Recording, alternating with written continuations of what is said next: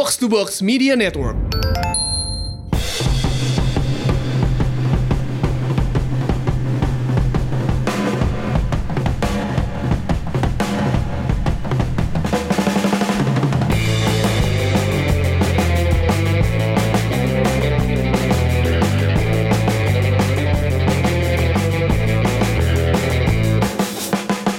Welcome back di podcast Umpan Tarik bersama gue Aun Rahman. Now we are in a beautiful city di kota Bandung. Kita tapping di di Bandung. Seperti yang biasa ada Labib Sadat di sini. Halo, Labib Sadat on tour ya. On tour. On tour ya dari Jakarta ke Bandung. Nih kita karena spesial special, sorry, special occasion kita tapping di studio Bandung. Yes. Jarang-jarang. Karena ada sesuatu nih. Ada ada bintang tamu.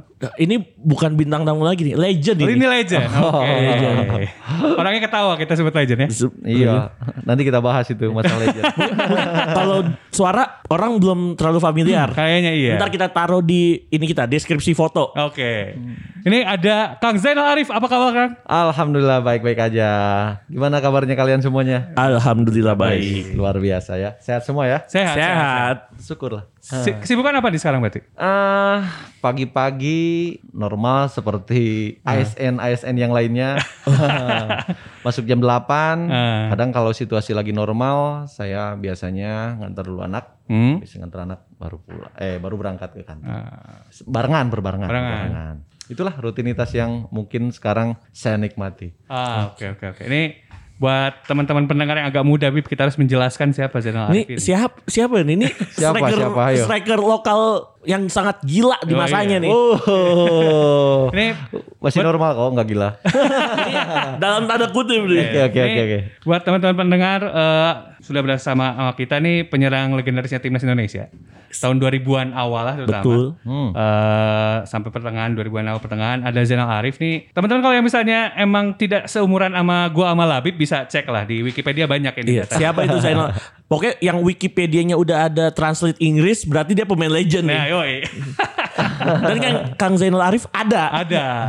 Oh, bisa aja. Oke, kita mulai nih Kang. Eh, gimana gimana? Kang Kang Arif ini kan Ah, abu aja. Abu aja ya? Oke, Biar Abu. lebih santai. Lebih santai. Kan Ini kan- santai ini. lebih santai. Ini santai soalnya obrolan. Ini kan Kang Abo tuh dari Cikajang. Ah, ya. Dari dari Cikajang Garut. Kan ada banyak banget tuh atlet dari Cikajang tuh, nggak cuma sepak bola doang. mhm. Ya, tapi bola tuh banyak lah. Hmm. Di, di Cikajang tuh memang e- emang eh, si suasananya mendukung untuk jadi atlet kah atau emang di sana emang diproduksi atlet atau gimana? Oke, Eh, ini pertanyaan yang sangat bagus sebetulnya ya, bahwa Cikajang itu dari dulu selalu eh, orang bilang bahwa mereka daerah yang selalu eh, memberikan pemain-pemain yang eh, sumbangsihnya buat entah eh, tim Jawa Barat Persib Bandung sendiri ataupun ada yang ke tim nasional. Sebetulnya tidak semua, tidak semua. Kami kebetulan memang keluarga besar itu keluarga besar pesepak bola semua. Kenapa? Saya memang dulu eh, bisa terjun ke dunia sepak bola karena memang mau nggak mau juga halaman rumah itu depan rumah itu memang lapangan bola gitu kan. Sangat mendukung ya Kang. Iya, jadi kalaupun sekolah, sekolah dekat lapangan. Jadi ketika libur, eh bukan libur, ketika ada istirahat sekolah, sudah pasti bermain bola. Pulang sekolah, main bola. Sorenya pun main bola lagi. Apalagi kita sudah bisa melihat bahwa Kang Adeng juga kan itu masih saudara juga kan. Ah. Dia udah duluan, terus di eh, terusin sama ada eranya Uut Kuswendi, Nyang Nyang, sampai ke Gima Nova semuanya. Nah di situlah akhirnya itu yang membuat saya akhirnya eh, lebih fokus memilih sepak bola. Padahal saya atlet bulu tangkis Ah. sebetulnya. Sempat main bulu tangkis juga berarti? Ya, bulu tangkis tapi ayah waktu itu bicara, udahlah bulu tangkis sudah cukup gitu kan. Hmm. Mendingan main bola aja biar nggak terlalu keluar banyak uang. Cerita yang cukup menarik ya. iya, Berangkat jadi dari Cikajang. padahal, Oh, lagi seneng-senengnya itu main bulu tangkis. Udah tuh katanya, Bapak harus ngeluarin uang terus buat beli kok kan. Ah. Nah, berapa? Lebih mahal berarti kalau main bulu tangkis. ya, zaman dulu kan perekonomian juga ya tahu sendiri. Ah. Nah, kalau kalau saya pikir juga iya juga ya, orang tua kalau udah ngomong kayak gitu, Hmm. ada kalanya saya lebih baik harus ada yang diambil, satu yang harus dikorbankan. Ya udahlah, saya fokus di dunia sepak bola. Kang, karir pertama profesional di Persigar Garut ya. Ya, Terus eh, ke Persib Bandung satu musim berikutnya. ya betul, betul. Kang, setelah eh, pindah dari Persib Bandung terus eh, ke ke Persita, kenapa bisa tiba-tiba melabuhkan karirnya di eh, Pendekar Cisadane? Ah, ini juga patut kita ceritakan juga ya. Jadi ketika saya eh, mengawali karir di Persigar Garut, saya memang langsung ke Persi Bandung. Tapi sebelum ke Persi Bandung itu, saya sudah malang melintang dulu. Jadi tidak langsung serta merta bisa langsung masuk Persi Bandung. Yes. Jadi saya ke- ke- keluar daerah dulu, pernah ke Tangerang juga. Intinya bagaimana caranya saya tetap harus bisa mengadu nasib di mana pun nanti saya berlabuh, ya kan? Bermain ke Tangerang, terus bermain juga ke Porda Bogor, sampai akhirnya dipanggil PON. Nah, Pon Jabar ya. ya PON Tapi Jabar. Pordanya Bogor. Enggak, PON Jabarnya tetap masuk ke final waktu itu, tapi kita dikalahkan tim Jawa Timur Yes. waktu itu. Tapi saya juga tidak punya terlalu punya peran andil yang sangat besar ya buat tim PON Jabar hanya sebagai pemain cadangan. Tapi kan sudah bangganya luar biasa Yes. masuk tim PON Jabar. Sampai akhirnya saya ke sana ke Persita, ke Persikota saya sempat nyoba juga dan saya sudah pada tahu kan kultur sepak bola di sana seperti apa. Tapi saya tercatat sebagai klub anggota Uni waktu itu. Oke. Oke, tahun 2000 tahun 99 sampai tahun 2000 Persib ada permajaan. Iya kan? Permajaan waktu itu eranya Kang Robi kan ah, udah mulai berlari ke Persikab itu. Hmm. Ah, nggak entah yang berlari ke Persikab atau memang karena sudah tidak diperpanjang, saya nggak tahu juga hanya Kang Robi yang tahu itu. Wah, sedikit patut dibahas tuh. Nah, Menarik menarik. menarik ya. Jadi Lanjutkan. akhirnya mm-mm, saya ikut kompetisi intern Persib waktu itu. Ah. Karena memang ada permajaan, saya ikut, saya ikut, saya dipanggil. Ah. Saya dipanggil, saya ikut eh, masuk ke ke 30 pemain waktu itu Ah. dan akhirnya oh, sangat luar biasa, bangga sekali saya bisa dapat gaji waktu itu akhirnya. Wah, udah senangnya luar biasa. Itu periode pertama di Persib ya berarti ya Kang? Ah, periode pertama di Persib tahun 99 2000. Saya usia masih 17 tahun. Hmm. 17 tahun paling muda waktu itu. Paling muda waktu itu. Paling muda. Akhirnya kemudian bisa ke Persita tuh gimana Nah, ceritanya? ceritanya gini, ketika saya sudah eh, berlabuh di Persib, saya, saya ikut eh, sepak bola Bandung seperti apa, yang begitu tekanannya sangat luar biasa kan. Ah. Dari kecil pokoknya kalaupun misalkan mengalami kekalahan di kandang, wah udah selesai udah itu. Serasa kiamat aja kan. Iya. Ah, udah pasti itu Ah, sampai bukan sekarang. supporter. I- iya, udah pasti ya. Tapi ya wajar tim besar, tim Iya, besar betul. dengan tuntutan besar kita tidak boleh sedikit pun melakukan kesalahan. Hmm. Iya. Nah itu hal yang sangat wajar karena ya kita berada di tim besar gitu kan. Sampai akhirnya saya berlabuh ke Persita itu iseng-iseng. Hmm. Nah, ya kan saya sudah, eh, ah, saya bilang kalau saya bertahan di Bandung, saya habis bilang karir karena Hmm. semua orang sangat menyayangkan kenapa harus pindah gitu kan. Semua orang juga targetnya ke Persib Bandung. Nah. Kenapa kamu harus pindah gitu kan? Saya bilang, loh saya bukan untuk ke Persib Bandung, saya bukan untuk duduk, tapi saya untuk jadi pemain. Saya bilang saya gituin aja. Hmm. Saya sempat debat sama rekan-rekan sampai akhirnya saya telepon si Ilham lah. Ilham Jaya Kusuma kan. Udah kenal di tuh, kan? PON, udah kenal tangan di PON. Jai, gimana di, per, di per- saya juga sempat melihat juga kan susunan pemain dari Persita itu seperti apa Hmm. sampai akhirnya eh pas telepon Ilham, Hmm. akhirnya sama Ilham juga lu mau mau ke sini nggak Ah. Persita mau ke sini nggak ayo nah saya ngeliat di situ ada masih ada striker Agus Suparman Ah.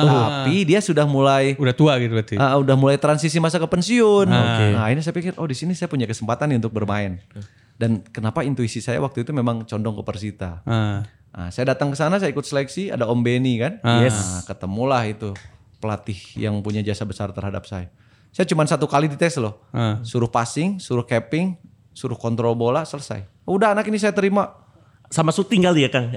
Ya, saya, dia nggak ngelihat lagi itu. Tapi yang jelas sekali itu, eh tiga tiga sentuhan aja dia udah ngelihat udah langsung. Udah, pengurus saya mau anak ini. Ah. saya oke, bilang oke, loh kok oke. Om Benny kok kayak gini. Tapi saya bilang. ini saya jadi eh, penasaran nih Kang Arif. Hmm, Berarti kan kenal Il- Bang Ilham tuh jauh sebelum di Persita gitu. Itu ketemunya di mana berarti? Di PON, Di PON. PON Jabar. Dia main di Buat Jabar berarti atau Iya kan dulu kan Bantennya sebelum berpisah. Oh, iya. Berarti oke, PON oke, 2000 ya Kang? Iya PON 2000. Wah, ini berarti ini cerita cerita baru ini. Iya, benar. Bantennya belum berpisah Belum dari, berpisah dari- dari Jawa, Jawa Barat. Iya, Tangerangnya kan masih Masih masih di gabung. bawah. gabung. Nah, masih di berarti bawah akhirnya Jawa Barat. dapat cerita dari Ilham Jakusuma. Nah, saya cobalah ya, dulu zamannya SMS. Ah. Ya, SMS dia. Bo, eh, Jai, Ah. Gue mau coba ke Persita, boleh nggak katanya? Ah. Ya boleh aja. Tapi lu kalau mau ke sini ayo ke sini. Ah, Kesempatan lu besar nih di sini. Ah, oke, Udah, saya nggak mikir panjang. Ketika di Bandung saya tinggalkan itu semuanya. Iya asli saya tinggalkan langsung kan di koran. Jangan Arif menolak Persib. Gak apa-apa saya pikir. saya bukan menolak gitu Hmm. kan. Saya hanya keluar saya mencari ilmu dulu. Ketika ilmu itu udah saya dapat, saya Hmm. kembali, saya berikan buat daerah saya sendiri. Ah, Berarti emang Kang Zainal Arif tuh mencari minute play yang banyak Ya. untuk bermain dan emang terbukti di Persita selama lima musim dapat eh, jumlah pertandingan yang cukup banyak ya Kang. Ah iya, makanya saya bisa menemukan sentuhan itu dan saya juga heran gitu kan buat rekan-rekan atau adik-adik yang sekarang masih bertahan di klubnya yang sebetulnya menit bermainnya kurang tapi dia punya potensi, kenapa dia tidak pernah berani mencoba untuk mencari Keluar berarti. tantangan? Iyalah. Ini harus benar-benar digarisbawahi ini nih. harus garis bawah ini. Ya iya, kalau misalkan kita sudah sudah sering eh, ditempa dengan menit bermain yang banyak, kemampuan kita otomatis juga akan bertambah. Yes. Dan memang akan akan akan ketahuan, akan kelihatan, ya kan? Tim nasional pun tidak menutup kemungkinan. Dan ketika dipanggil lagi ke klubnya itu sudah Udah matang gitu berarti. eh, udah udah udah nggak ada alasan lagi untuk kamu duduk. Di bangku cadangan. Nah, iya, kamu harus punya ini kontribusi. cerita bagus ini. Ini emang mentalitas pemain yang keluar dari zona nyamannya, dari klub idolanya mungkin gak apa-apa gue cadangan, yang penting gue main di klub idolanya. Ini coba harus didengerin Kang Arif, eh Kang Abu ngomong nih. Keluar dari Iya. zona nyaman intinya. Memang kadang-kadang kenyamanan itu yang yang sebetulnya membuat kita akhirnya terlena. Iya kan? iya, iya. Ya udahlah saya udah nyaman. Tapi setelah dari zona nyaman itu, zona comfort itu, tiba-tiba misalkan oke lah kontraknya sudah selesai gitu kan. Hmm. Nah di situ baru panik. ya, seringnya kejadiannya gitu. Sering. Sering sering banget Oke, kejadian Berarti kalau sering sudah sering bertanya sama orang-orangnya. Oke, kita balik lagi ke tadi yang soal eh, Persita terutama Kang Abu. Tadi kan ketemu sama Om Bendol gitu. Mhm. Om Bendol itu kan legend lah juga. Wah luar biasa itu. eh, sosok yang ikonik juga. Wow, Wow itu banget. pelatih pelatih saya. Itu bapaknya sepak bola Indonesia. buat saya.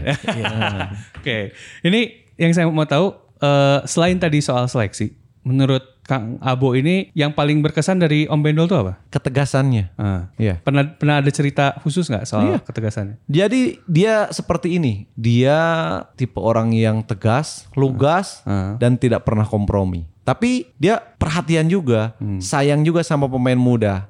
Selama saya bermain untuk ke Persita Tangerang di bawah asuhan Om Beni, sedikit pun saya tidak pernah dapat makian yang sebetulnya itu bisa merusak mental saya. Jadi emang emang omongan yang emang kritik membangun lah gitu. berarti? Iya, tapi dia sudah tahu. Ketika saya melakukan kesalahan, saya sudah langsung tanggap. Ah. Dengan tidak dia bersikap Ah. memberikan push kepada saya, oh, saya harus saya sudah paham. Oh, Om maunya nggak setuju.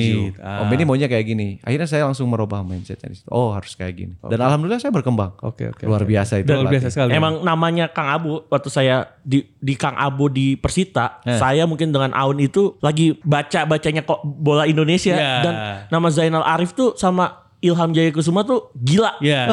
duet duet maut karena maut. ya udah banyak klub-klub yang pakai striker eh, asing kan. Ya. Tapi tim Kita dari lokal. tim Kita dari lokal. Tangerang berani men- men- menduetkan dua pemain muda. Betul. Dan dan dan saya harus garis bawahi.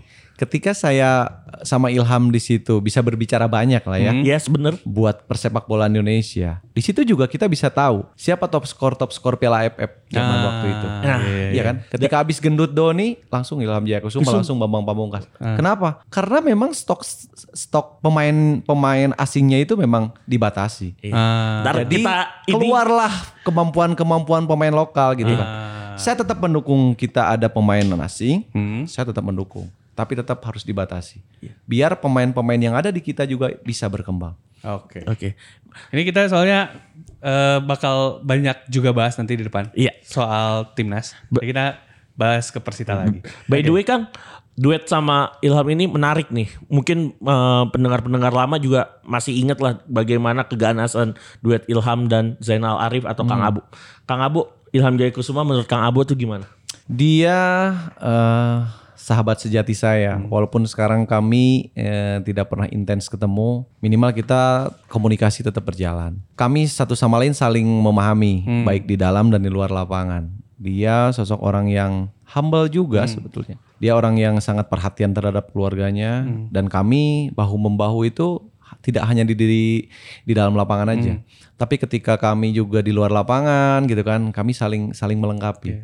Kami saling melengkapi. Makanya terbangunnya chemistry kami di lapangan, bermain kami di lapangan, ya bagaimana kami sebelum bermain. Apa yang kami lakukan, apa yang sering kami kerjakan gitu kan. Diskusi ya, diskusi hanya sebatas kayak kayak kayak, kayak seperti ini. Kita kadang-kadang habis latihan, waktu itu ada Firman Utina juga ya kan. Iya. Ada Anjang Rohiman karena kita memang anak mes. Jadi barengan terus Barengan terus gitu kan. Makanya terbangun sama Firman sama Anjang pun terbangun gitu kan. Jadi kita abis abis maghrib nih makan yuk. Nah, misalkan kita nongkrong makan berempat kita. Asli itu luar biasa. Itu ngobrol ngobrol ngobrol sampai kan satu sama lain itu saling saling percaya. Chemistry-nya terbangun. sudah pasti. Pertemanan yang sangat akrab itu membuat kami jadi kuat di lapangan. Dan akhirnya juga Ilham itu orangnya kayak gitu bahkan kadang-kadang kalau saya lagi dalam keadaan kesulitan nah, bagaimana kadang saya sulit mencetak gol minimal saya bisa memberikan peluang buat dia. Begitu sebaliknya ketika dia dalam keadaan tertekan juga dia memberikan peluang buat saya. Jadi satu sama lain kami tidak bersaing. Hmm. satu sama lain siapa yang lebih menguntungkan itu yang harus mencetak gol. Itu yang menjadi slogan kita waktu itu. Oke oke ini bagus banget nih. ya Ilham juga kan dua kali top skor. Nah, Betul. Dua kali juga dia masih duetnya dengan saya gitu kan. Nah, Dan Kang Abu juga eh, golnya juga nggak sedikit saat Iya. Ilham top score. iya memang kadang waktu itu juga kita sering berbicara. Kita kan panggilnya Bo ya kan. Iya. Dia Rambo kan. Bo. Peluang gua sama lu ini, siapa yang lebih duluan ini, eh, untuk menjadi top skor. Jadi kejarannya top skor kita berdua dulu, bukan bukan levelnya bukan ke semua ya di kompetisi. Hanya kita berdua dulu gitu. Misalkan saya udah mencetak 6 gol misalkan, dia udah udah 7 gol gitu kan. Ya kita masih bersaing.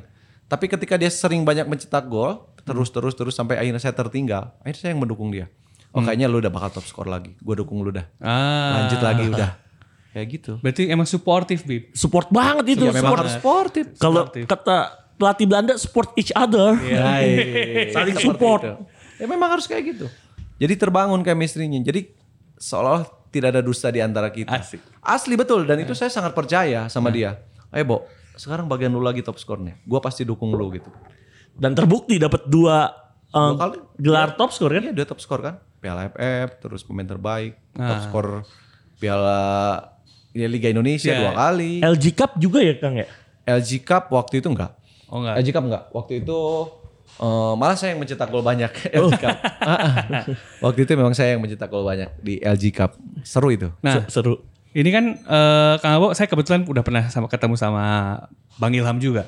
Waktu itu saya tanya, eh, hal apa yang paling spesial dari eh, Kang Abo menurut Bang Ilham? Dia jawab katanya Abo itu kaki kirinya dahsyat lah dan penyelesaian akhirnya itu sebenarnya bagus banget kata kata Bang Ilham. Kalau menurut Kang Abo sendiri nih, yang paling spesial dari Bang Ilham itu apa secara teknis permainan? Kalau saya melihat dia itu kengototannya ya. Nah. Ngototnya dia sebetulnya tekniknya kurang. Hmm. Tapi semangat juangnya yang harus kita Determinasinya ya, bawahi. Wah, luar biasa. Kadang-kadang di luar nalar saya, kadang-kadang saya udah melihat ini bola nggak mungkin gol, tapi sama dia jadi gol. Ah, itu kelebihan sosok oke, Ilham. oke, oke, oke. Makanya saya sudah tahu kalau memberikan bola terhadap dia, saya tidak pernah bola di Bola kaki. susah lah gitu istilahnya. Iya. Saya selalu 50-50 lah ya. Buat kalau ngasih bola ke dia. Kadang-kadang kalau bola 50-50 dia bisa ambil. Itu kelebihannya dan sangat luar biasa depan gawangnya itu. Kecepatannya itu juga patut eh, Sesuatu lah itu. Nah, patut patut di- diperhatikan lah. Usah diperhatikan ya. Kecepatannya itu sebetulnya itu yang menjadi kekuatan dia. Hmm. Ketika kalau dikasih bola daerah, saya juga kalau ngasih bola daerah sama dia udah pasti dikejar itu sama dia. Nah, itulah ilham itu. Nah, jadi kangen lagi tuh ya sama dia nih. Oh ini kan ceritanya memang Meet the Legend Kang. Jadi kita mengulas apa yang terjadi Ya. dulu. Flashback Kang. Flashback. Flashback.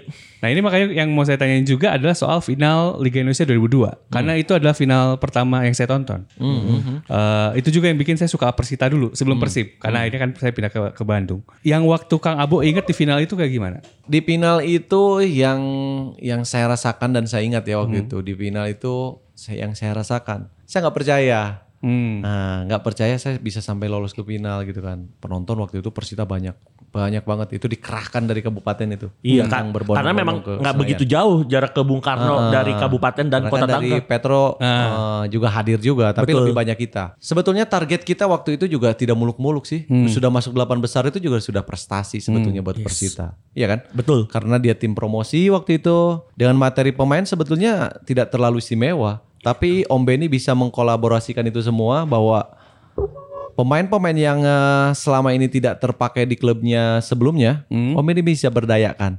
dan bisa keluarkan lagi potensi-potensinya. Dan pemain muda tentunya ya Kang. Oh, iya udah pasti. Pemain muda lagi. Ya, jadi yang saya rasakan itu gimana ya? Pokoknya eh, speechless lah. Tidak bisa saya jelaskan dengan kata-kata. Saya bertanding di eh, ribuan penonton begitu banyak dan walaupun hasilnya juga eh, tidak sesuai tidak mungkin. sesuai harapan karena memang target kita sudah cukup gitu kan di sampai akhirnya di masuk final dan terjadilah hujan waktu itu Eh, Iya. pemain pertandingan juga sebetulnya kalau kalau waktu itu tidak hujan mungkin akan lain Akan ceritanya. ceritanya lain. Iya, karena kita sudah menekan di menit awal dan akhirnya kita bisa mencetak gol. Golden goal ya saat itu ya Kang ya. Iya masih ada golden goal. Wah itu sakit banget yang kayak gitu ya. Cuman memang hujannya begitu lapangan tergenang dan pertandingan terus berjalan waktu itu kan. Sampai akhirnya Petro bisa mencuri gol di babak ke perpanjangan waktu ya. Heeh. Golden goal ya waktu itu. Kalau nggak salah Persita sempat unggul dulu ya Kang ya. Menit kedua. Kedua. Kedua Giman udah Nur Jaman ya? Bukan, Ilham. Ilham yang golin itu. Ilham ya? Mencetak golin. Ilham yang golin. Umpan dari Giman itu. Oh iya umpannya Kang Giman. Ya itulah pokoknya suka duka di final itu. Di final itu. Heeh, Sampai akhirnya dipanggil tim nasional kan. Nah, Ah. Nah di situ pokoknya kilas baliknya seorang Jenal Arif itu habis selesai final. bisa selesai final berarti perjalanannya dimulai dari sana berarti. Heeh, Start mulai karirnya ya. s- ah pokoknya udahlah mang prangken lah bahasa Sundanya. Ngo- Ngomong-ngomong tadi udah sempet eh, karena eh, start karir panggil tim awal eh, di, eh, dipanggil timnas gimana tuh Kang? Kapan dan eh, bagaimana Jadi gini. ceritanya? Lucu juga ya dipanggil tim nasional. Saya termasuk eh, ke be- 40 pemain waktu itu untuk persiapan Piala Tiger yang sekarang Piala AFF ya Betul. 2002. Saya dipanggil dan dalam dalam hati saya saya berpikir bahwa nah saya sudah dipanggil juga sudah sudah prestasi luar biasa buat Ah, saya ya kan. Pemain yang masih notabene masih ah ya baru menge- baru baru tahu baru tahu eh, arti sebuah final gitu kan. Baru juga santai. Tiba-tiba masuk nominasinya. Ketika lagi di Garut masih zamannya ada media olahraga bola waktu itu ada di koran Tabloidnya. nama, oh, tabloid ya. Ada nama saya. Ah masuk kata si Yandi. Yandi masih kecil tuh. Ada nama A kan tim nasional. Wah itu katanya. Tanggal sekian pemain harus kumpul. Wah mau nggak mau kita harus datang. Kan di situ saya masih masih ada sosok Kurniawan, terus eh, ada Seto Nurdiantoro, Gendut Doni, Ilham, wah Bambang Pamungkas strikernya banyak banget waktu itu, luar biasa kan, Budi Sudarsono. Saya pikir ah saya udah dipanggil aja udah udah Udah oke lah gitu. Iya, gitu iya. kan, udah udah merasakan. Oh, buat TC ya Kang ya? Trend Buat- camp dulu apa? Belum belum ya, jadi seleksi dulu. Oh, oke. Seleksi, seleksi sampai akhirnya ya nggak tahu juga ya. Saya cuman nggak muluk-muluk. Targetnya seleksi-seleksi saya jalanin aja gitu kan. Ada Bima Sakti, oh dengan nama-nama besar mereka yang sudah menjadi langganan tim nasional gitu kan. Tapi mereka eh, begitu nice gitu kan, humble sama kita yang baru pemain-pemain junior lah. Saya diberi arahan, Kurniawan juga kan dikasih tahu, malah minta foto bareng sama dia kan. Wah, idola dari kecil, tiba-tiba harus ikut seleksi bareng. Nah, Itu kan mimpi yang menjadi kenyataan kan. Yes. Sampai akhirnya saya seleksi-seleksi dan entah kenapa waktu itu juga pelatihnya Ipan Kolep Yes. begitu ya tertarik dengan permainan saya kan. Kesempatan itu akhirnya tidak saya sia-siakan. Bahkan rekan duet saya Ilham pun tercoret waktu itu kan. Nama-nama tenar yang biasa menghuni tim nasional harus pulang Nah, sama Kolep. Akhirnya saya masuk, bahkan saya langsung jadi pemain utama waktu itu kan. Itu mimpi yang betul-betul di luar nalar saya gitu kan. Ketika masuk udah langsung mendapatkan kepercayaan kan. Ah akhirnya ya udahlah lepas saja main bola. Nah di situlah Di PL Tiger Piala Tiger menggila. 2002. Iya, makanya sama BP itu saya sering menghafalkan rekan duet saya sebetulnya. Tipe tipe saya itu seperti itu. Tipe duet saya kan Ilham sama BP. Kalau Ilham kan tipe karakternya kayak ini. Oh, saya harus paham kayak gini. Kalau BP oh seperti ini. Dia lebih sukanya bolanya seperti ini. Jadi saya lebih lebih melayani waktu itu kan. Oh kalau, kalau BP berarti emang beda sama Ilham. Terutama kan tadi makanya mau saya mau da- dalemin lagi. BP itu kayak gimana tuh eh, Kang Abo? BP, BP sosok striker yang sebetulnya uh, modern waktu itu ya pada zamannya. Dia punya postur yang tidak terlalu tinggi, tapi punya vertical jam yang sangat luar biasa. Kan? Memang tinggi banget ya Kang vertical jump-nya. Iya, timingnya selalu yang tepat. Saya pikir timingnya yang tepat. Dia kalau loncat tuh udah timingnya yang tepat. Dan saya melihat uh, finishing touch-nya juga luar biasa depan kawan. Kaki kiri, kaki tangan kanannya jalan. Gitu. Nah, ini kan Makanya, oh ini BP harus diginiin harus kasihnya. ada ada ininya gitu. Treatmentnya lah. berarti. Oh iya, udah pasti tri- betul treatmentnya memang oh BP harus diginiin. Ini Kang Zainal Arif di klub berduet sama Ilham JK di negara, di nasional sama, sama BP. BP, iya. Ini pemain yang luar biasa, Bro. Ya itu mungkin eh, kerja keras saya yang eh, sebetulnya tidak terlalu lama. Kerja keras yang selama ini saya pernah eh, apa ya pernah lakukan dengan berbagai eh, perjalanan yang sebetulnya terjal juga ya ketika saya harus memutuskan keluar dari Persib kan. Hmm. Tapi akhirnya saya bisa eh, ngebungkam semua yang selama ini juga ngapain keluar, ngapain keluar. Tapi saya akhirnya bisa membuktikan bahwa saya tidak salah memilih klub dan ditopang dengan keyakinan yang sangat kuat gitu kan tekad yang bulat bahwa dedikasi saya tetap untuk sepak bola akhirnya saya bisa Ah. saya bisa berbuat banyak untuk tim nasional waktu itu. Ini kan salah satu pertandingan yang saya ingat nih Kang. Oke. Karena itu kan tahun 2002 itu beneran saya baru banget nonton Piala Dunia, nonton final Liga Indonesia pertama. Bener-bener kayak eh, awalan banget lah buat saya buat nonton bola ya waktu itu. Itu kan ada partai eh, timnas Indonesia menang 13-1 lawan Filipina. Kang Abo nyetak 4 gol. Yang diingat dari game itu gimana tuh? Kayak wah bisa nyetak gol sebanyak itu gitu. Iya sulit deh dipercaya dan memang saya juga saya pribadi sendiri nggak nggak nggak percaya ya. Ah. Tapi yang jelas jujur waktu itu memang kualitas persepak bolaan kita memang di atas rata-rata. Ah. Asli. Saya ketika berhadapan dengan Filipina, mohon maaf, eh, saya sedikit memang meremehkan. Kenapa sih pemain Filipina ini kayak pemain-pemain yang di kampung saya? Saya seperti kayak gitu. Oke oke oke. Asli ini saya nggak bohong. Ini mudah sekali untuk dilewatin. Main bolanya juga. Ini kelasnya tim nasional loh kayak gini. Apalagi bagaimana kualitas kompetisinya kan? Ah, saya iya, berpikir kayak gitu gitu kan. Wah ini mudah banget gitu kan. Termasuk Vietnam pun waktu itu juga Masih- kita masih bisa Masih bisa nekuk dia ya. bi- bisa, bisa kita apa ya? Bukan imbangi ya. Kalahkan. Bisa jadi gitu kan. Tapi sekarang mereka menggigit semua ya sama kita. Berarti apa yang salah di kita? Ah, Dua negara kita tadi ya. di Jadi- sebut sama Kang Abu tuh Jadi bagus sekarang. Iya, udah jadi Ah, jadi Kekuatan. cetak 4 gol itu sebetulnya saya nggak kepikiran untuk top score ya. Ah. Beda pada waktu itu BP baru baru 7, saya udah 6. Ah. Itu peluangnya di situ banyak sebetulnya Ah. kan untuk untuk ingin jadi top score kan. Tapi kenapa waktu itu juga ah udahlah saya nggak nggak harus jadi top score juga. Nah itu yang salah di diri saya waktu itu. Asli jujur. Ini yang harus jadi pertanyaan yang memang harus yang saya sesalkan. Kenapa waktu itu kesempatan begitu banyak kalau ingin mendulang banyak gol lawan Filipina kan? Hmm. Padahal peluang itu masih ada loh. Bisa buat terusin berapa bisa gol lagi? bisa gitu kan. Tidak harus 13-1 bisa itu. Peluangnya banyak dan untuk menjadi top skor itu terbuka di situ lawan Filipina. Tapi karena udah dipikir dalam hati ah udahlah saya udah tim nasional juga udah cukup. Hmm. prestasi saya udah bisa bersaing jadi striker eh, pencetak gol kedua pun sudah cukup gitu kan. Malah cukup dan cukup pun seperti itu. Kalau toh misalkan waktu itu saya tetap habis-habisan ya mungkin juga BP bisa bisa Bisa terus lagi juga bisa gitu. juga terlewati juga Ah, bisa juga oke, oke, oke. sampai akhirnya 7 sama 8. Eh, 7 sama 6. BP 7 saya 6 ya kan? Hmm. Ah. Nah, kita persaingan itu tinggal dua kali lagi semifinal kan Ah. sama final.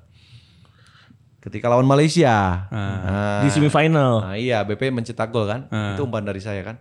Crossing dari sayap kanan. 8, udahlah nggak kejar. Final nggak kejar. Kang, bicara final skor 2-2 sempat keter, eh, sempat ketinggalan 0-2 sebelum disamakan oleh Gendutoni dan Yaris Riyadi. Betul.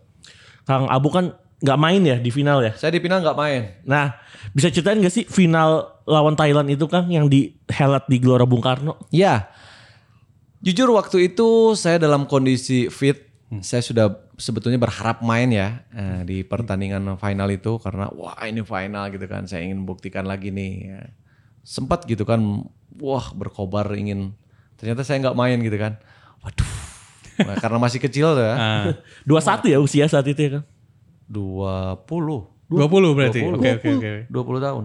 Ya dengan usia yang seperti itu ya kan lagi menggebu-gebunya kan. Iya. Lagi pingin-pinginnya main bola. Jadi nggak mengenal capek. Ya kita ketinggalan 2-0 sempat aduh. Pada itu era terakhir masa kepemimpinan Pak Agum ya. Ya. Kita sebetulnya ingin memberikan hadiah sebetulnya buat Pak Agum. Pak Agum udah pernah ngomong, berikanlah kado yang indah buat saya. Ah. Hadirkanlah piala Tiger ini Ah. untuk masa kepemimpinan saya terakhir Iya. kali. Wow, kita udah bertekad semuanya. Akhirnya draw dan adu penalti kan. Yes. Nah, dan saya jadi penendang kelima waktu itu sebetulnya. Tapi Oh. karena tapi karena memang sudah Gak masuk gitu. kalah, nggak masuk dari kitanya. Ah, udah deh yang jadi nggak jadi Cuma tendang. kalau tidak salah cuma Imran Humaruri ya yang masuk ya kan? Ya, Sugiantoro sama Firman Sah. Yang Iya. Yang sekarang jadi asisten itu yang gagal. Ah, oke oke oke oke. Menarik, sangat menarik ini. ini flash kita mungkin pendengar juga tahunya kan dari dulu media nasional, televisi atau media cetak. Sedangkan ini langsung dari Langsung dari yang di be- yang di bench loh, Yang yang bench. yang ikut berpartisipasi di Piala Tiger 2002 loh. Eh, iya. Cerita yang aduh. Ada Seru ceritanya. sebetulnya. Sel- suka duka tim nasional itu kita tesnya di Malang ya kan, beberapa tiga tiga bulan. Di Batu ya Kang ya? Iya latihan sehari tiga kali. Hmm. Wah super berat itu. Ivan Kolev. Wah. Eh, eh, saya tahu Eropa Timur. Lebih ke Strong, strong, straightness. strength, wah udah semuanya udah itu. Jam 12 suruh lari kan, panas-panas, wah ke gunung. Ya itulah. Jadi kalau dibilang saya kurang nasionalis, peleb gak pelebah ya. Sebelah mananya gitu kan. Nanti kita bahas tuh. Oke. Pasti ada. Oke, ini kan ada pertandingan lain juga Piala ketika ini Piala AFF edisi pertama. Eh, Kang Abo main lawan Singapura. Oke. Waktu itu ketinggalan sebenarnya Indonesia kan Kang Abo ini cetak gol ke gawangnya si Lionel Lewis tuh. Masih ingat juga ya? Masih ingat juga. Kalau saya ingat karena saya, saya- karena saya emang termasuk yang ngikutin Sap. Asia Tenggara. Dan itu kita pertandingan penentu untuk lolos Ya, kan? penentu lolos. Itu Iya, kan akhirnya jadi dua-dua. Yang Kang Abo ingat dari pertandingan itu dan akhirnya cetak gol tuh gimana? Sebetulnya pertandingan waktu itu sangat seru ya. Kedua tim menampilkan permainan yang sangat baik kedua-duanya. S- Bagaimana alur serangan begitu sama-sama tajam lah waktu itu ya kan. Cuman kita memang yang meruntuhkan mental kita waktu itu golnya terlalu cepat. Iya kan? Kita ham, sempat kalahnya 2-0 kalau Iya, nggak 2-0 salah. 2-0 dulu kan. Iya, iya. Sebelum Ilham menyamakan kedudukan eh sebelum Ilham eh, Memperkecil. memperkecil ketertinggalan menjadi 2-1. Akhirnya saya lagi menyamakan kedudukan ya kan. Ah. Itu sangat sayang sebetulnya. Peluang untuk menang itu lebih besar sebetulnya. Betul, betul. Emang kipernya jago juga sih ya Kang? Iya, cuman ya itu tadi ya karena kita juga lagi tahap sebetulnya saya melihat Peter White waktu itu eh, targetnya bukan di situ. Hmm. Jujur aja, yang saya tahu dia targetnya di Piala Asia. Asia. Nah, kenapa dia masih masih bongkar pasang pemain waktu itu? Hmm. Siapa yang lebih siap? Karena Peter White itu yang saya tahu itu dia tidak pernah kita tidak akan pernah tahu siapa yang akan main. Hmm. Dan yang eh, dia berikan itu susunan pemain itu di lapangan. Ah, pasti pas udah ini baru Iya, tahu. semua pemain harus bawa sepatunya masing-masing, udah harus siap. Ah. Nah itu Peter White. Akhirnya eh kita tidak lolos, Ah. tapi progres kita sebetulnya bagus waktu itu. Hmm. Cuman ya itu tadi ya, karena ke- keingin instanan kita itu ingin segala sesuatunya diraih secepat mungkin. Ah. Akhirnya ya mulai lagi dari nol kan, pergantian pelatih lagi, Ah, ya kan. Ya gitulah. Balik ke Ivan Kolev lagi ya Ivan Kolev lagi. ya, Ya, ya. Ivan Kolep lagi. Oh ini berarti ceritanya di situ ya. Soalnya jujur nih Kang Abo. Saya kan nggak tahu ya karena menurut saya karena pencapaian di Piala AFF 2004 itu waktu kita eh, finalis juga akhirnya kan kalah sama Si- Singapura kan. Saya ngerasa oh Peter White ini pelatih bagus gitu. Saya ngerasa oh ya harusnya stay-nya lama. Cuman kan tiba-tiba setelah Piala AFF 2007 secara, secara mendadak lah istilahnya mendadak tiba oh diganti Kolev lagi gitu. Ya, itulah. Kayak kaget juga. Ya itulah makanya eh, kadang-kadang ya itulah saya kembalikan lagi ke federasi ya waktu Ah. itu. Yes. Karena saya juga masih pemain saya belum paham Hmm. bagaimana apa yang diinginkan. Tapi yang jelas kalau melihat dari kacamata sekarang sih banyak tim-tim yang di Asia ini memakai jasa pemain asing itu tidak dengan jangka waktu yang sebentar. Hmm. Ketika prestasi yang diharapkan, pelatih pun memberikan garansi dengan minimal 4 atau sampai lima tahun, Hmm. Betul. ya kan? Kita bisa lo kita bisa contoh, kita bisa lihat bagaimana Singapura ketika dilatih sama Raj, Ra- Rado. Abramovic ya? Radovic ya? Ya, Abramovic, Abramovic. Iya, Abramovic lah ya. Eh, Coach Rado aja lah. Iya. Coach Rado lah ya. Iya, Yang- panggilan Coach Rado. Kurus-kurus yang kecil Iya, itu. iya. Ah. Tinggi itu kan. Iya, tapi dia tapi dia waktu itu juga tidak butuh eh, waktu cuman satu tahun atau dua tahun, tiga tahun. Bahkan dia bisa lima tahun lebih ya. kalau Iya. Lama dia. Dia 10 Sampai- tahun sih saya. 10 tahun tuh, Iya, apalagi 10 tahun. Sampai akhirnya bi- bisa menjuarai Piala AFF kan? Ya. Betul kan? Benar. Betul. Salah satu yang terbanyak bahkan negara. Iya, berarti segala sesuatu yang yang uh, eh, diharapkan dengan membongkar pasang itu itu berarti kan agak sedikit kurang setuju lah ya. Hmm. Jadi kita bisa ngelihat juga bagaimana Vietnam juga ngebangun pondasi yang begitu kuat sampai akhirnya sekarang Jadi mereka paling yang terkuat sebetulnya kan. Tim-tim Asia juga sekarang berhadapan dengan Vietnam pikir dua kali. iya kan? Tim Asia ya kan? Berarti di mereka itu pondasinya yang sangat kuat, terus kualitas kompetisinya juga sangat bagus. ah, Dan bongkar pasang pelatihnya juga tidak seperti di kita. Kita cepet terlalu cepet ya kan? Terlalu prematur. Iya, itu karena pengen instan kan, kayak masak mie itu kan. Masak mie aja ada prosesnya. Iya gitu. Jadi kalau saya menyoroti yang sekarang, oke sedikit lah agak Iya, iya. menyimpang ya. Kalau sekarang ada Sintayong nih pelatih. Hmm. Progresnya kemarin sempat bagus ya kan? Bagus, bagus, bagus, bagus, bagus. Bagaimana lihat uh, otot-ototnya pemain-pemain kita sekarang Hmm. Berubah lebih lagi. Berubah lebih bagus. Sudah saya melihat memang ada progres sangat luar biasa. Jadi harapan saya sekarang berikanlah kesempatan yang lebih buat Sintayong. Hmm. Tidak cukup satu atau dua atau tiga tahun, minimal dia lima tahun beri kesempatan. Saya pikir Indonesia akan bisa lagi ditakuti di Asia. Ah, Oke. Oke oke oke. Jadi jangan melihat kemarin hasil perapial dunia, wah kalah kalah kalah, eh nggak bisa juga. Mulai lagi dari nol kalau saya pikir kalau ngebahas Sepakat, tiga pertandingan itu nggak bisa dijadikan acuan, patokan. nggak bisa kalau kalau saya pribadi ya. Ah, Tapi saya serahkan lagi semua ke orang-orang yang selama ini lebih paham tentang dunia sepak bola. asik. Kang, eh, kita maju lagi nih ke Piala Asia 2007. Sempat ada kejadian tidak mengenakan kan? Oke.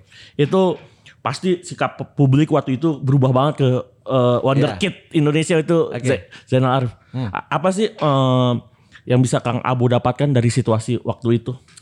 Sebetulnya gini ya, memang eh, tim nasional waktu itu memang sangat ketat ya aturannya. Jujur, saya mengakui itu semua bahwa saya keterlambatan datang.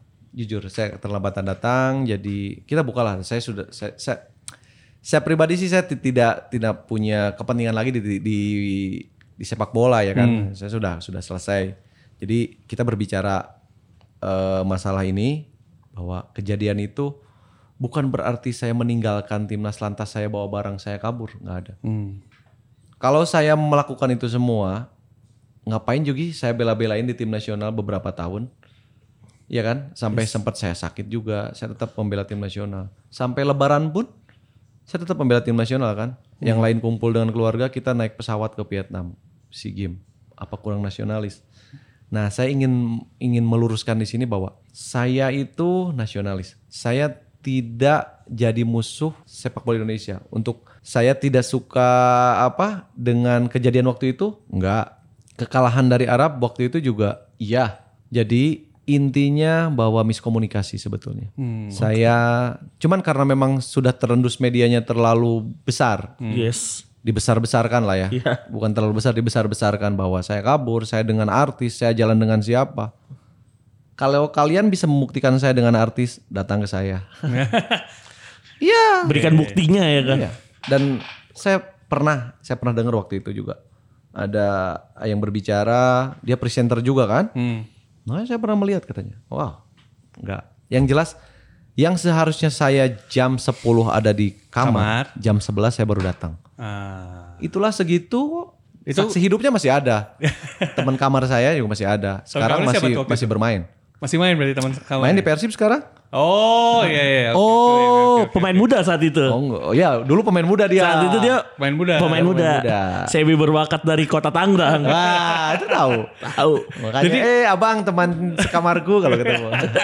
Ini cerita kalau orang yang dengerin mestinya tahu siapa. Tahu. Harusnya tahu Dan cerita ini cukup legend ya. Cukup legend. Cukup legend untuk orang-orang yang suka bola nasional, apalagi Piala Asia tuh. Mohon maaf Kang, itu semua mata tertuju kepada ya iyalah. Piala Seperti Piala Dunianya kan. Betul, Iya. Piala Dunianya warga benua kuning, benua Asia. Dan sekarang saya nggak nasionalis gitu.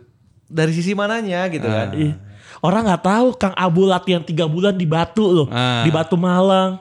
Jadi ya biar clear lah ya, biar Yes. tahu semua bahwa saya itu nasionalis, saya itu cinta Indonesia, saya itu ingin ingin memberikan eh, yang terbaik melalui dunia yang saya pilih. Hmm. Saya bisa memberikan yang terbaik buat negara, saya ingin sumbangsih buat negara dengan cara apa? Ya, kalau memang kemampuan saya di dunia sepak bola, lakukanlah di dunia sepak bola. Kalau memang saya bisa melakukannya sebagai aparatur sipil negara lakukanlah dengan baik sebagai aparatur sipil negara. Ya kan tetap masih abdi negara. Iya.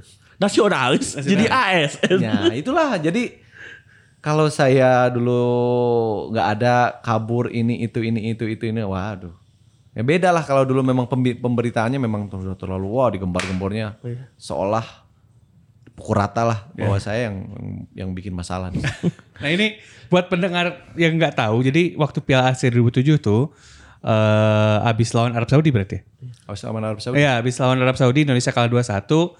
eh karena si pelatih Van Kolef itu intinya ada jam malam. Nah, Kang Abo ini ketika jam malam harusnya pulang jam 10, jam 11 kan intinya gitulah. Betul. Walaupun akhirnya kalau misalnya teman-teman pendengar sekarang cek di googling lah, googling itu beritanya macam-macam. Ada Kang Abo pergi sama artis, ada Kang Abo pergi ke diskotik, ada Kang Abo pergi sama orang federasi.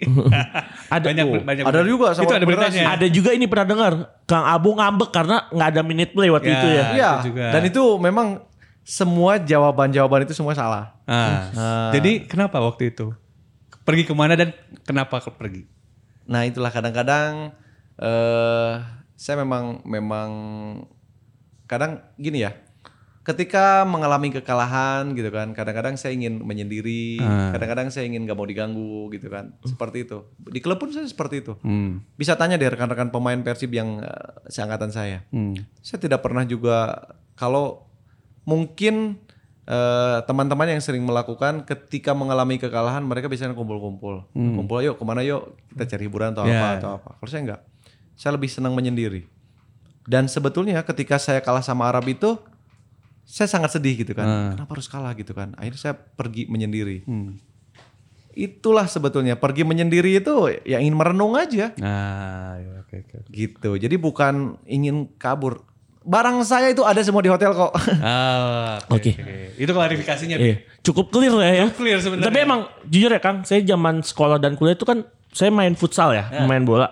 Kalau saya habis kalah tuh saya nggak mau pulang ke rumah, pengen duduk aja, Tuh. merenung. Jadi orang Saya ngerti buat psikologis. Nah, Iya kan? Ah, betul. Jadi kadang-kadang gini ya. Orang bisa mengekspresikan kekecewaannya itu dengan Beda-beda. berbagai macam Ya, macam, iya. ya kan?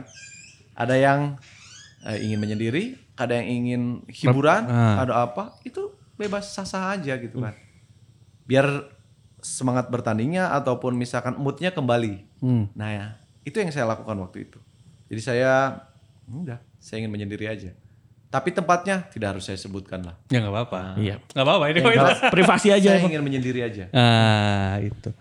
Kemudian apa yang didapetin dari insiden itu Kang Abu? Maksudnya kalau saya buka tuh masih banyak. Oh, masih banyak berarti? Masih banyak. Dan rekan-rekan yang lain juga banyak yang keluar. Sebenarnya waktu itu. Iya. Tapi memang karena ah, ya apesnya ada di saya waktu itu. Ah, Oke. Yang kena getahnya istilahnya berarti ya. Iya. Banyak. Tidak harus saya sebutkan satu persatu. Nggak bagus juga. Buat apa aja? Buat apa gitu. Tapi yang jelas saya aja waktu itu. Waktu itu yang lagi kedapetannya ya. Ah, Yang jadi penting ketembelan buntut maung lah. Iya. bahasa Sundanya mah. Yang penting publik tahu lah Iya. eh, cerita sebenarnya langsung karena pemberitaan tuh nggak bagus Kang. Oh iya, sampai ibu saya nangis beberapa kali almarhum kan. Ah. Iya. Ibu saya beberapa kali nangis, ah kenapa kok bisa begini, ah kenapa bisa begitu. Saya nggak bisa jawab. Ibu saya nggak nangis, nangis, nangis. Saya dekat kan sama ibu kan. Iya. Saya baru tinggal ibu juga kan kemarin. Iya. Eh, ibu kan eh, secara akidahnya ibu alhamdulillah lumayan Hmm. lumayan inilah ya di kampung itu kan kalau masalah ibadah. Ibu cuman satu memberikan jawaban kepada saya waktu itu. A katanya. Kan saya waktu itu mau dihukum 2 tahun ya kan? Iya, Iya, betul. pernah dengar. Bener. Bener. Benar. Dua tahun saya dihukum katanya kalau kalau nggak ngaku kalau nggak apa-apa. Ibu saya cuma bilang kayak gini, A, ibu itu ridho kalau A melakukan kesalahan, Terus dihukum A gitu. dihukum dua tahun ibu ridho. Hmm. Tapi kalau misalkan A nggak melakukan apa-apa, A juga nggak nggak harus memberikan perlawanan, Hmm. biar Allah nanti yang membalas semuanya. Dan apa yang terjadi waktu itu? Tidak harus disebutkan di sini. Hmm. Iya kan? Saya harus dihukum dua tahun, tidak boleh bermain bola, Hmm. ya kan? Yang dihukum siapa? Orang lain. Silakan kalian jawab. Sebuah cerita yang Terus cerita. waduh. Lanjut. Lanjut nih. Tapi kemudian kan ka- harus diakui setelah setelah karena insiden itu Kang Abu jadinya agak susah di timnas gitu. Iya. Saya memang udah di blacklist aja, nggak ada lagi masuk tim nasional kan. Setelah itu terakhir Habis itu berarti emang yang bikin Kang Abo jadi susah dipanggil sama timnas. selesai. Mau bagus di klubnya juga nggak akan dipanggil-panggil. Padahal jujur aja Kang Abu. Kang Abu menurut rataan catatan dari federasi itu 23 caps dan 12 gol. Berarti setiap dua pertandingan mencetak satu gol. Untuk tim nasional loh Kang. Itu luar biasa. Rataannya tuh sama kayak Bambang Pamungkas. Setiap dua pertandingan cetak satu gol. Iya. Aduh.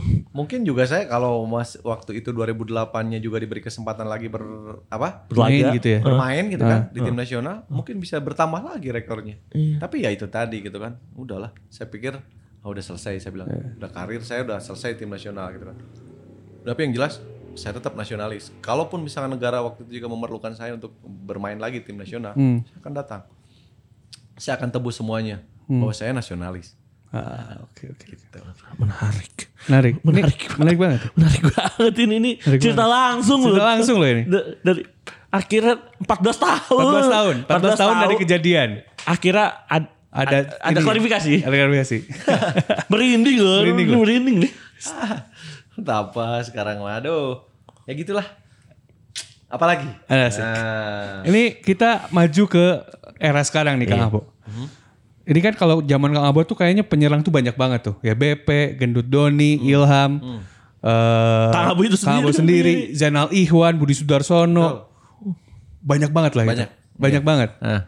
Kalau sekarang tuh kayaknya bisa dihitung jari kayaknya penyerang penyerang beneran ya kita bicara ya bukan penyerang sayap gitu. Penyerang beneran tuh kayaknya dikit banget. Kalau menurut Kang Abo ini tuh kenapa dan ya gimana gitu? Bisa terjadi nih fenomena ini nih. Nggak apa-apa, ini mungkin agak sedikit keras. Nah. Kalau pandangan saya sih lebih ke regulasi. Hmm. Permasalahannya dari regulasi. Kalau dulu zaman tiga pemain asing, dua yang main, satu yang cadangan. Hmm. Oke, Nah, ingat. kalaupun sekarang oke lah, masih bisa lah tiga pemain yang main. Hmm. Entah dia dari Asia, entah dari Eropa, atau yang jelas cukup tiga asing aja Ah. di klub. Saya pikir akan lebih menarik, akan lebih berkualitas kompetisi. Bukan eh, bukan saya juga anti asing enggak. Saya banyak pemain-pemain asing yang sangat luar biasa baik-baik. Yes. Saya banyak pemain-pemain asing yang begitu eh, nice, Hmm. begitu punya punya apa? Punya cerita yang sangat luar biasa ya. Hmm. Jadi saya lebih lebih condong sih kalau kompetisi ini digelar pemain asingnya dibatasi. Ah. Akan itu yang muncul se- lagi. Dan karena- itu akan muncul lagi pemain-pemain lokal yang Ah. yang yang bisa bersaing di internasional nanti. Ah. Berarti kalau dari pendapat Kang Abo tadi, intinya adalah karena regulasi pemain asing yang kebanyakan, akhirnya penyerang Indonesia jadi sedikit gitu. Iya, kadang-kadang kan klub dengan regulasinya pemainnya lima asing tidak pernah sedikit pun tidak pernah atau atau memang belum pernah saya lihat Ah. klub yang menggunakan jasa sayap Ah. pakai pemain asing. Ya, ya, ya. Mungkin Persija kemarin lah ya. Ah. Karena memang eh, dengan reputasinya Thiago Mota, Ah. nah, siapa- semua orang sudah pasti tahu. Back sayap ya Iya, lagi. Iya, iya kan? Heeh. Nah, jarang kan klub-klub juga yang pakai jasa pemain asing itu di Di posisi itu gitu ya. Iya, kiper. Ah. Jarang. Pastinya itu dua satu dua. Ah. Kalau enggak dua dua satu. Ya seperti itulah. Iya. Jadinya habis buat pemain asing Ya jadinya. habis. Biasanya depan dua asing kan. Ah. It- Contoh terakhir sekarang saya pingin tanya, kalau masih pakai platform 442 ya, Ah. seperti di Persib Bandung lah ya, Ah. atau klub lain lah. Ah. Oh Persib susah nih. Iya. Pasti strikernya asing. Asing ya. ya, ya. Ada nggak coba striker lokal yang sekarang muncul di Persib? Nggak ada juga kan? Iya. Kalau waktu zaman saya Banyak. Oke, lima pemain asing. Ah. Tapi tetap tiga kita kolaborasi kan, dua asing, satu. Lokal gitu. Nah, tapi saya tetap tersendat juga waktu itu, jujur aja. Tersendat juga, kemampuan saya juga tidak terekspor dengan bagus. Jujur aja. Ini keresahannya Kang Abu itu yang padahal pemain asingnya udah dibatasin banget ya. Enggak enggak, memang kita lima juga waktu Emang lima juga ya waktu itu? Sampai sekarang kan masih lima gitu. Tapi kan tetap juga gitu waktu itu yang munculnya ya, yang kita kita yang sebelumnya. Ya. Yes. Iya kan? Akhirnya Yang di BP tahun 2000, lagi. BP saya lagi, BP saya lagi. Regenerasinya memang kurang. Ah. iya. Nah sekarang sebelum terlambat, kompetisi juga belum dimulai. Alangkah baiknya kalau misalkan regulasi itu Dikaji lagi. dikaji lagi. Memang kalau perlu ya tiga itu akan lebih bagus. Itu akan lebih lebih serem kompetisi. Oke. Akan lebih enak dilihatnya. Ini makanya jadi tadi karena karena muncul keluar dari omongan Kang Abo, saya pengen tanya nih Kang Abo. Eh, waktu itu kan waktu Kang Abu di, di Bandung itu ngalamin eh, tandem sama banyak penyerang asing. Ada Bastos, ada Barkowi, Beckham Menga juga. Kalau menurut Kang Abo yang paling boleh diceritain semuanya deh. Maksudnya kalau Bastos tuh gini, kalau Barkowi tuh gini, kalau Beckham Menga tuh gini. Gimana tuh kalau dari tiga dari tiga itu aja deh. Deskripsiin Ya, gitu. tandem Kang Abu waktu Siap. itu. Kita berbicara dari Bastos dulu lah ya. Ah. Yes. Bastos, dia pemain yang pertama bermain di Liga Indonesia. Dia tidak tahu kultur sepak bola Indonesia. Dia punya kualitas yang sangat bagus. Tapi saya lebih menyoroti bahwa keegoisan dia itu sebetulnya yang yang yang tidak bisa diajak kerjasama. Ah. Kadang-kadang ngerasa iya di di sepak bola Indonesia ini bahwa saya bisa lebih berbuat banyak dari pemain-pemain lokal. Nah, itu yang mungkin saya soroti. Dia punya kualitas yang sangat bagus, tapi eh, secara eh, secara tim Dia tidak bisa kurang diajak gitu. kerja- tidak bisa diajak kerjasama. Oke oke oke oke. Barkowi dia lebih memahami budaya kita, Hmm. ya kan? Barkowi orangnya super humble. Hmm. Kita ngebangun chemistry di luar lapangan dan kami sangat dekat. Tapi ketika bermain kami tidak ada masalah Nah, oke oke. karena kita sudah terbangun chemistry-nya dan dia juga welcome Hmm. sama pemain lokal gitu kan. Dia mau berbicara, dia mau nanya duluan juga. Kalau Beckham Menga? BKM enggak? Wah, itu super. Dia memang orang yang sangat introvert. Hmm. Nah, sosoknya introvert, tapi secara kualitas saya bangga pernah bermain dengan dia. Sampai sekarang kami masih komunikasi. Dengan Barkowi BK Mengga kami masih mau komunikasi. BK Mengga sosok striker yang sangat komplit, kuat, ngeyel, Hmm. Dihajar orang malah yang menghajarnya yang jatuh. Asli. Solid banget berarti. Naluri golnya sangat luar biasa. Ah. Wah, pokoknya komplit. Kalau Persib inginin mengambil lagi sosok BK Mengga, saya pikir tidak ada kata terlambat. Asik. Kalau soal gol yang lawan PSDS gimana? Yang salto. Itu kan Wah. itu kayaknya gol gol gol. Kang Abo yang paling sering fenomenal, yang paling sering diulang di tayangan gitu. Hmm. Jadi gini ya, sebetulnya waktu itu juga saya nggak nggak nggak nggak kepikiran bahwa pertandingan itu saya akan melakukan gol salto. Ah. Jadi saya hanya berpikir normal bahwa pertandingan bagaimana caranya pertandingan hari ini kita bisa menangkan pertandingan karena posisi Persib waktu itu juga bermasalah ya. Hmm. Sedikit eh, hampir dekat ke juru kunci waktu itu. Iya kan? Yes. Tapi entah mengapa Erik Setiawan umpan bolanya begitu pas. Dalam hati saya sempat berpikir, wah ini bola saya salto atau kontrol? Saya salto atau kontrol? Asli itu ada dua kemungkinan itu. Hmm. Ah, Ditahan dulu atau Ah, gimana? Ah, iya, tapi saya melakukan salto, saya pikir saya belum pernah melakukan itu di latihan. Oke oke oke. Asli. Itu hanya apa? hmm, mindset saya yang yang yang saya berikan ke dalam hati saya bahwa saya harus melakukan salto. Oke. Jangan takut untuk jatuh. Ah. Karena saya nggak tahu jatuh seperti apa, ya kan? Karena saya belum pernah dilatih di, di latihan. Ah. Akhirnya saya ambil posisi dan begitu saya lakukan ternyata Gol. sasaran, gol. dan itu saya kaget sendiri gitu kan. Saya aja yang nendangnya kaget gitu kan. Wah, luar biasa golnya gitu kan. Kalau melihat mm, cuplikan golnya, Hmm. Bagus juga ya gol saya. Emang bagus, ya? Eh, sedikit nih, sedikit agak agak agak sombong. bagus juga ya saya ngelihat gol itu ya. Ah. Itulah itu jadi jadi akhirnya di situ saya sering ngelatih salto, latihan, latihan, latihan. Akhirnya bisa. Tapi emang golnya tuh wah banget karena yang saya inget PR pikiran rakyat eh, medianya di Bandung tuh sampai bikin di halaman depan gol gol satunya Kang Abo. Ada real real foto gitu itu Iya. keren banget sih. Ini ya eh, apa detik demi Iya, detiknya. detik-detik sampai Kang Makanya Abo. ketika saya nikah itu sama PR saya dikasih itu. Oh, dikasih si lembaran itu. Gol-golnya itu. Wah, itu luar biasa itu. Luar biasa banget. Terus cetak gol dengan kepala. Ah. Ini ada lagi yang lucu. Karena saya sekamar dengan BP ya Ah. Yes. di tim nasional waktu itu. Dia sering melakukan latihan keseimbangan. Saya melihat, saya melihat. Jujur saya orang yang tidak bisa mencetak gol. Striker yang tidak bisa mencetak gol dengan kepala maksudnya. Ah. Oke, dan heading Saya ya. sering melihat BP gitu kan. Oh timing, oh ini, oh ini. Jadi kalau latihan nggak pernah masuk. Tapi ketika di pertandingan saya timing tepat, saya berani sundul dan saya nggak merem, akhirnya gol. Nah di situ saya lebih pede. Ah. Karena kebanyakan pemain sundul bola ya. Ya, lebih banyak nyundul bola berarti. Eh maksudnya eh, dengan keadaan meram. Iya. Biasanya merem soalnya. Biasanya merem. Asli itu. Akhirnya bisa mencetak gol juga pakai heading. Kang, bicara dari tadi kita udah striker bolak-balik A B C D E. Kang, penyerang favorit Kang Abu sekarang siapa sih Kang? Di mana? Eh, baik di timnas atau enggak di klub Eh, lintas generasi nggak apa-apa. Atas boleh. generasi. Terutama yang sekarang sih. Terutama Kalau yang sekarang. saya lebih seneng ke sosok Ronaldo yang jelas pasti ya. Ah, oke. Striker yang sangat komplit, kaki kiri kaki kanan jalan, bagaimana dia bisa menjaga kebugaran tubuhnya, Yes. bagaimana dia latihannya begitu keras, Hmm. dedikasinya terhadap sepak bola begitu luar biasa dan begitu kemarin dia mem- apa membuat rekor-rekor baru Hmm. atas nama dirinya, saya pikir udah nggak aneh lagi bahwa memang pantas dia mendapatkan itu karena apa? Karena dia sendiri juga menjaga diri dia sendiri dan sangat hati-hati. Jadi saya tetap lebih suka sosok CR. Ronaldo. Itu sudah menjadi inspirasi saya sebetulnya kalau saya masih bermain Eh, Kalau lokal siapa Kang? lokal. Zaman dulu atau sekarang? Sekarang. sekarang boleh. Sekarang boleh. Sekarang sih sebenarnya pertanyaannya tadi buat sekarang sebenarnya Kang Abu. Iya. Striker lokal ya. Yang menurut Kang Abo tuh potensinya Wah bagus. ini oke banget nah, gitu. oke. Ini punya yang bagus nih.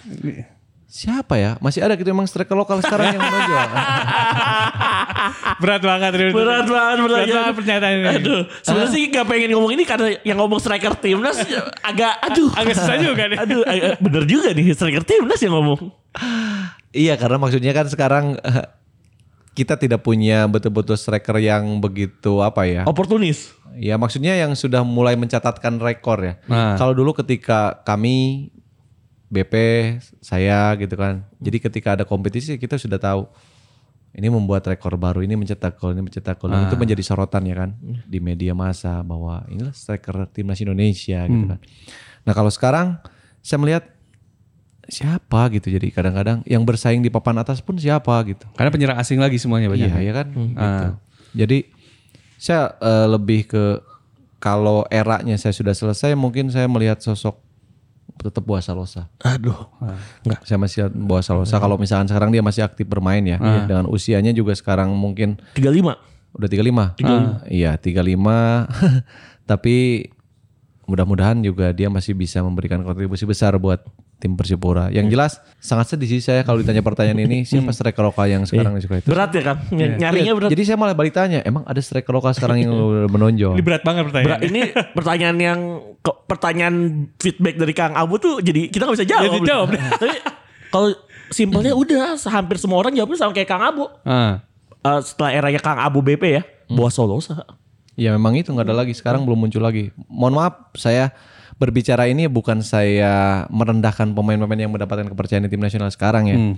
Tapi yang jelas sekarang lebih ke sosok eh, yang menjadi sorotan itu ya Evan Dimas lah ya. Iya. Evan Dimas dia sekarang jadi kaptennya. Saya pikir juga dengan mobilitasnya dari jelajah yang sangat luar biasa, mungkin patut ya, dijadikan acuan ya. Tapi kan kalau jadi striker belum ada nama setenar Evan Dimas lagi juga. Ah, Betul. Levelnya belum di Evan berarti. Ah, levelnya belum di saya Evan. tuh kalau di levelnya Evan itu saya belum pernah melihat lagi. Ah, oke oke oke oke. Maksudnya tuh harusnya si penyerang tuh di levelnya Evan gitu. Sementara sekarang nggak ada. Pokoknya se apa ya? Superstar lah Ya, seperti superstar Evan. Iya. gitu. Superstar kayak emang tapi kalau Kang Abu ngomong kalau zaman dulu sih mungkin kita nanya Kang Abu beberapa musim yang lalu mungkin dia bisa jawab Iya. saat Kang Abu aktif. Tapi kalau sekarang mah Kayaknya udah nggak ada. aduh berat bener emang. Kayaknya susah memang buat nyari striker beneran yang beneran kan. Iya, Kita udah bahas di episode kita yang sebelumnya juga. Betul. Buat nyari striker beneran tuh abis zamannya Kang Abul lah terutama itu kan kayaknya susah juga gitu. Ya, makanya kayak generasinya Kang Abu tuh kayak generasi emas. Iya. Terakhirnya Penyerang banyak yang penyerang bagus. Sekarang saya balik tanya, Ah, kalau ingin lagi ada striker lokal yang sekarang menonjol berkelas, apa yang harus kita lakukan? Penyerang asingnya berarti dikurangin ya. Nah, itu berarti sama jawabannya. Yes, sama. Oh ya udah. Regulasi pemain asing Berarti bukan dari saya ya. Berarti kalian juga setuju semua kan? Nah, masuk. sama semua. Oh, ya Sama udah. semua kayaknya Udah, Abo. stop. Sudah cukup. Oke. Oke. Oke. Pas banget kalau gitu. Eh, tadi kita udah ngobrol lama banget Bib sama Kang Abo. Iya, ini gak kerasa. Gak kerasa banget. Gak kerasa. Emang aduh, ceritanya banyak banget. Ceritanya bagaimana? Aduh. Sampai lupa juga ya. Iya. apa emang Kang Abu apa pet karir tuh luar biasa. Luar biasa. Dari klub daerahnya di Garut, Ah. klub provinsinya Persib Bandung hingga akhirnya golnya ya di timnas. Timnas. Oke. Tapi saya juga punya sekarang. Jadi gini, Ini ini saya sedikit cerita ya. Oke. Ketika saya sudah pensiun, rekan-rekan seangkatan saya juga udah mulai sudah pensiun gitu kan. Jadi saya bikin komunitas. Hmm. Komunitas eh, sepak bola ya, maksudnya komunitas kita ajang untuk silaturahmi sebetulnya. Ya. Rekan-rekan pemain yang selama ini juga eh, tidak ter- ter- ternaungi lah ya. Yes. Kan kalau misalkan saya sering dikatakan "Oh, Jan Arif legend, Persib legend, Persib legend, legend. Saya itu sebetulnya sangat ingin ngebahas ini. Boleh, boleh silakan. boleh, boleh, boleh. Kang. Boleh nggak apa-apa kan? Oke, boleh? Boleh, boleh dong, boleh. Kalau saya ingin tanya, kalau Atep legend apa bukan? Legend. Legend. Legend kan? Legend. Sudah jelas dia bawa juara. Ah. Dia lama, Ah. ya kan? Yes. Kalau legend buat saya itu terlalu berat. Ah, Saya punya punya legend di, di, di Persib berarti. Oke, kalau di tim nasional terima kasih. Ah. Kalau di klub, Ah. saya pikir itu terlalu berat buat saya. ah. Karena apa? Saya mengabdi untuk Persib hanya tiga musim, Hmm. sebentar. Tapi insya Allah saya punya kontribusi besar Ah. pada zamannya waktu itu. Tidak tidak dengan harus beberapa tahun saya harus mengabdi, tapi saya punya kontribusi besar waktu itu. Jadi legend itu lebih cocoknya itu ke sosok Robi Darwis. Hmm. Saya boleh katakan dia legend. Hmm. Karena dia sudah mendapatkan semuanya di Persib. Iya kan? Yes. Terus eh, kenapa bisa dikatakan legend? Karena juga di, di tim nasional juga dia tidak lama loh. Eh apa? Lama juga Ah. Dan bawa gelar dan dua gelar. dua gelar. Nah, itu legend. Legend. Nah, jadi kalau saya bisa dikatakan legend janganlah. Kalau di- bisa dikatakan saya pernah biru, itu saya terima. Kalau sekarang masih biru. Iya, pernah biru. Sekarang oh ya masih biru dong, lihat jam tangan saya masih biru.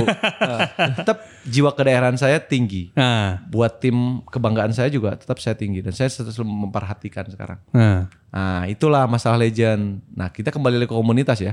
Boleh. Kalau komunitas itu saya punya komunitas namanya Spidermind. Ah. Itu apa tuh? Nah, Spidermind. Yes. Kalian nggak tahu kan apa artinya Spidermind? Iya. Kita ngambil Spiderman. Spiderman kan biasanya merangkak tuh. Yes. Kayak laba-laba yang santai. Tapi jangan salah, itu artikulasinya tuh luas. Spiderman, sepi-sepi ngider main. Nah. Oh, Oh, gitu gitu. ceritanya. Dengan menaungi pemain-pemain yang udah pensiun lah ya Kang ya. Iya, tapi seangkatan saya. Yes. Dan kita tidak menamakan itu Persib. Hmm. Saya nggak mau. Karena biar siapa aja bisa main ya Kang. Enggak, Ah, tetap tetap. tetap. Saya yang seangkatan saya. Jadi PR Spiderman Nah. pernah biru. Oh, Oke. oke, oke, oke, oke. Jadi seangkatan kita 2007 semua. 2007 semua berarti. Ah, berarti jadi kalau sama dikumpulin banyak. Salim gitu mungkin ya? Salim, Enjang, Ah, Cucu, Usep, semua itu kita kumpulin. Ah, oke. Jadi kalau misalkan ada ke daerah main bola, ada undangan main bola, nah itu yang saya pakai. Oh, Asli. Tim Spiderman. Spiderman. Kita datang Spiderman. Jadi kalau satu tim hampir 15 orang. Termasuk Tantan sama Atep kan gabung sama kita juga. Iya, Nah, Satu angkatan. karena satu angkatan, mereka tidak punya wadahnya gitu kan. Cuman baru kemarin pensiunnya. Jadi kita gabung dan itu sangat luar biasa. Animo penontonnya sangat bagus dan kita akan melakukan tour. Jangan salah, sponsor sudah siap. Oke. Oh, Emang tapi pemain-pemain besar ini layak diberikan kesempatan kembali Jelas. untuk back to the stadium. Ya. Itulah makanya. Seperti itulah. Jadi tetap kita eh melakukan silaturahmi Hmm. namanya Spiderman, Spider Fun. Oke. Sepi-sepi ngider fun. Fun. Fun Yang penting football. senang berarti ya. Iya. Fun football aja. Fun football. Yang penting ketawa-ketawa aja. Itulah keseharian saya. Oke. Oke, ini kita kasih rapid question gak nih? Boleh. Boleh. Boleh nih. Kang, pilih kita ngasih dua eh, dua apa ya? Dua suku eh, dua kata, pilih salah satu. Ini eh, tentang masalah apa? eh, karir Kang Abu di zaman dulu lah Oke. di Liga Indonesia. Oke. Oke, Kang Abu, kaki kiri atau kaki kanan? Kiri. Satu. Sundulan atau tendangan jarak jauh? Sundulan. BP apa Ilham JK? Wah ini pertanyaan yang sangat bagus. Ini selalu ada pertanyaan waktu itu. Kalau di klub BP. Eh Ilham. Kalau di timnas Timnas ya BP. BP. Om Bendol apa Pak Ivan Kolev? Bendo. Gol salto lawan PSDS atau gol long shot lawan Singapura? Oh PSDS. Terakhir, Persib Bandung apa Persita Tangerang? Persib Bandung. Oke. Oke, that's all. Terima kasih Kang Arif sudah Kang Abu Sama-sama. udah mau datang ke Umpan Tarik. Oke. Hatur nuhun pisan ini waktunya Aduh. udah mau datang ke sini. Thank you banget nih. Thank you banget. Ya, kita eh, juga kesempatan yang luar biasa Bib bisa Just, just. eh, ngobrol-ngobrol dengan legend. Ah, dia gak mau dibilang legend. Dia nggak mau dibilang legend soalnya, tapi. Tapi kita mah menganggap. sama yang pernah biru. Ya, ini legend timnas dia. Ah, gokil nih. Nah, kalau itu terima kasih. pernah main di SEA Games, Ah. pernah main di Piala AFF. Betul. Tiger ya. Ah. Tiger AFF pernah. Pernah. Piala Asia Pernah. ada namanya. Makanya. Gila nih orang. timnas berarti. Timnas ini. Ini event timnas ikut semua Ya, dia. makanya.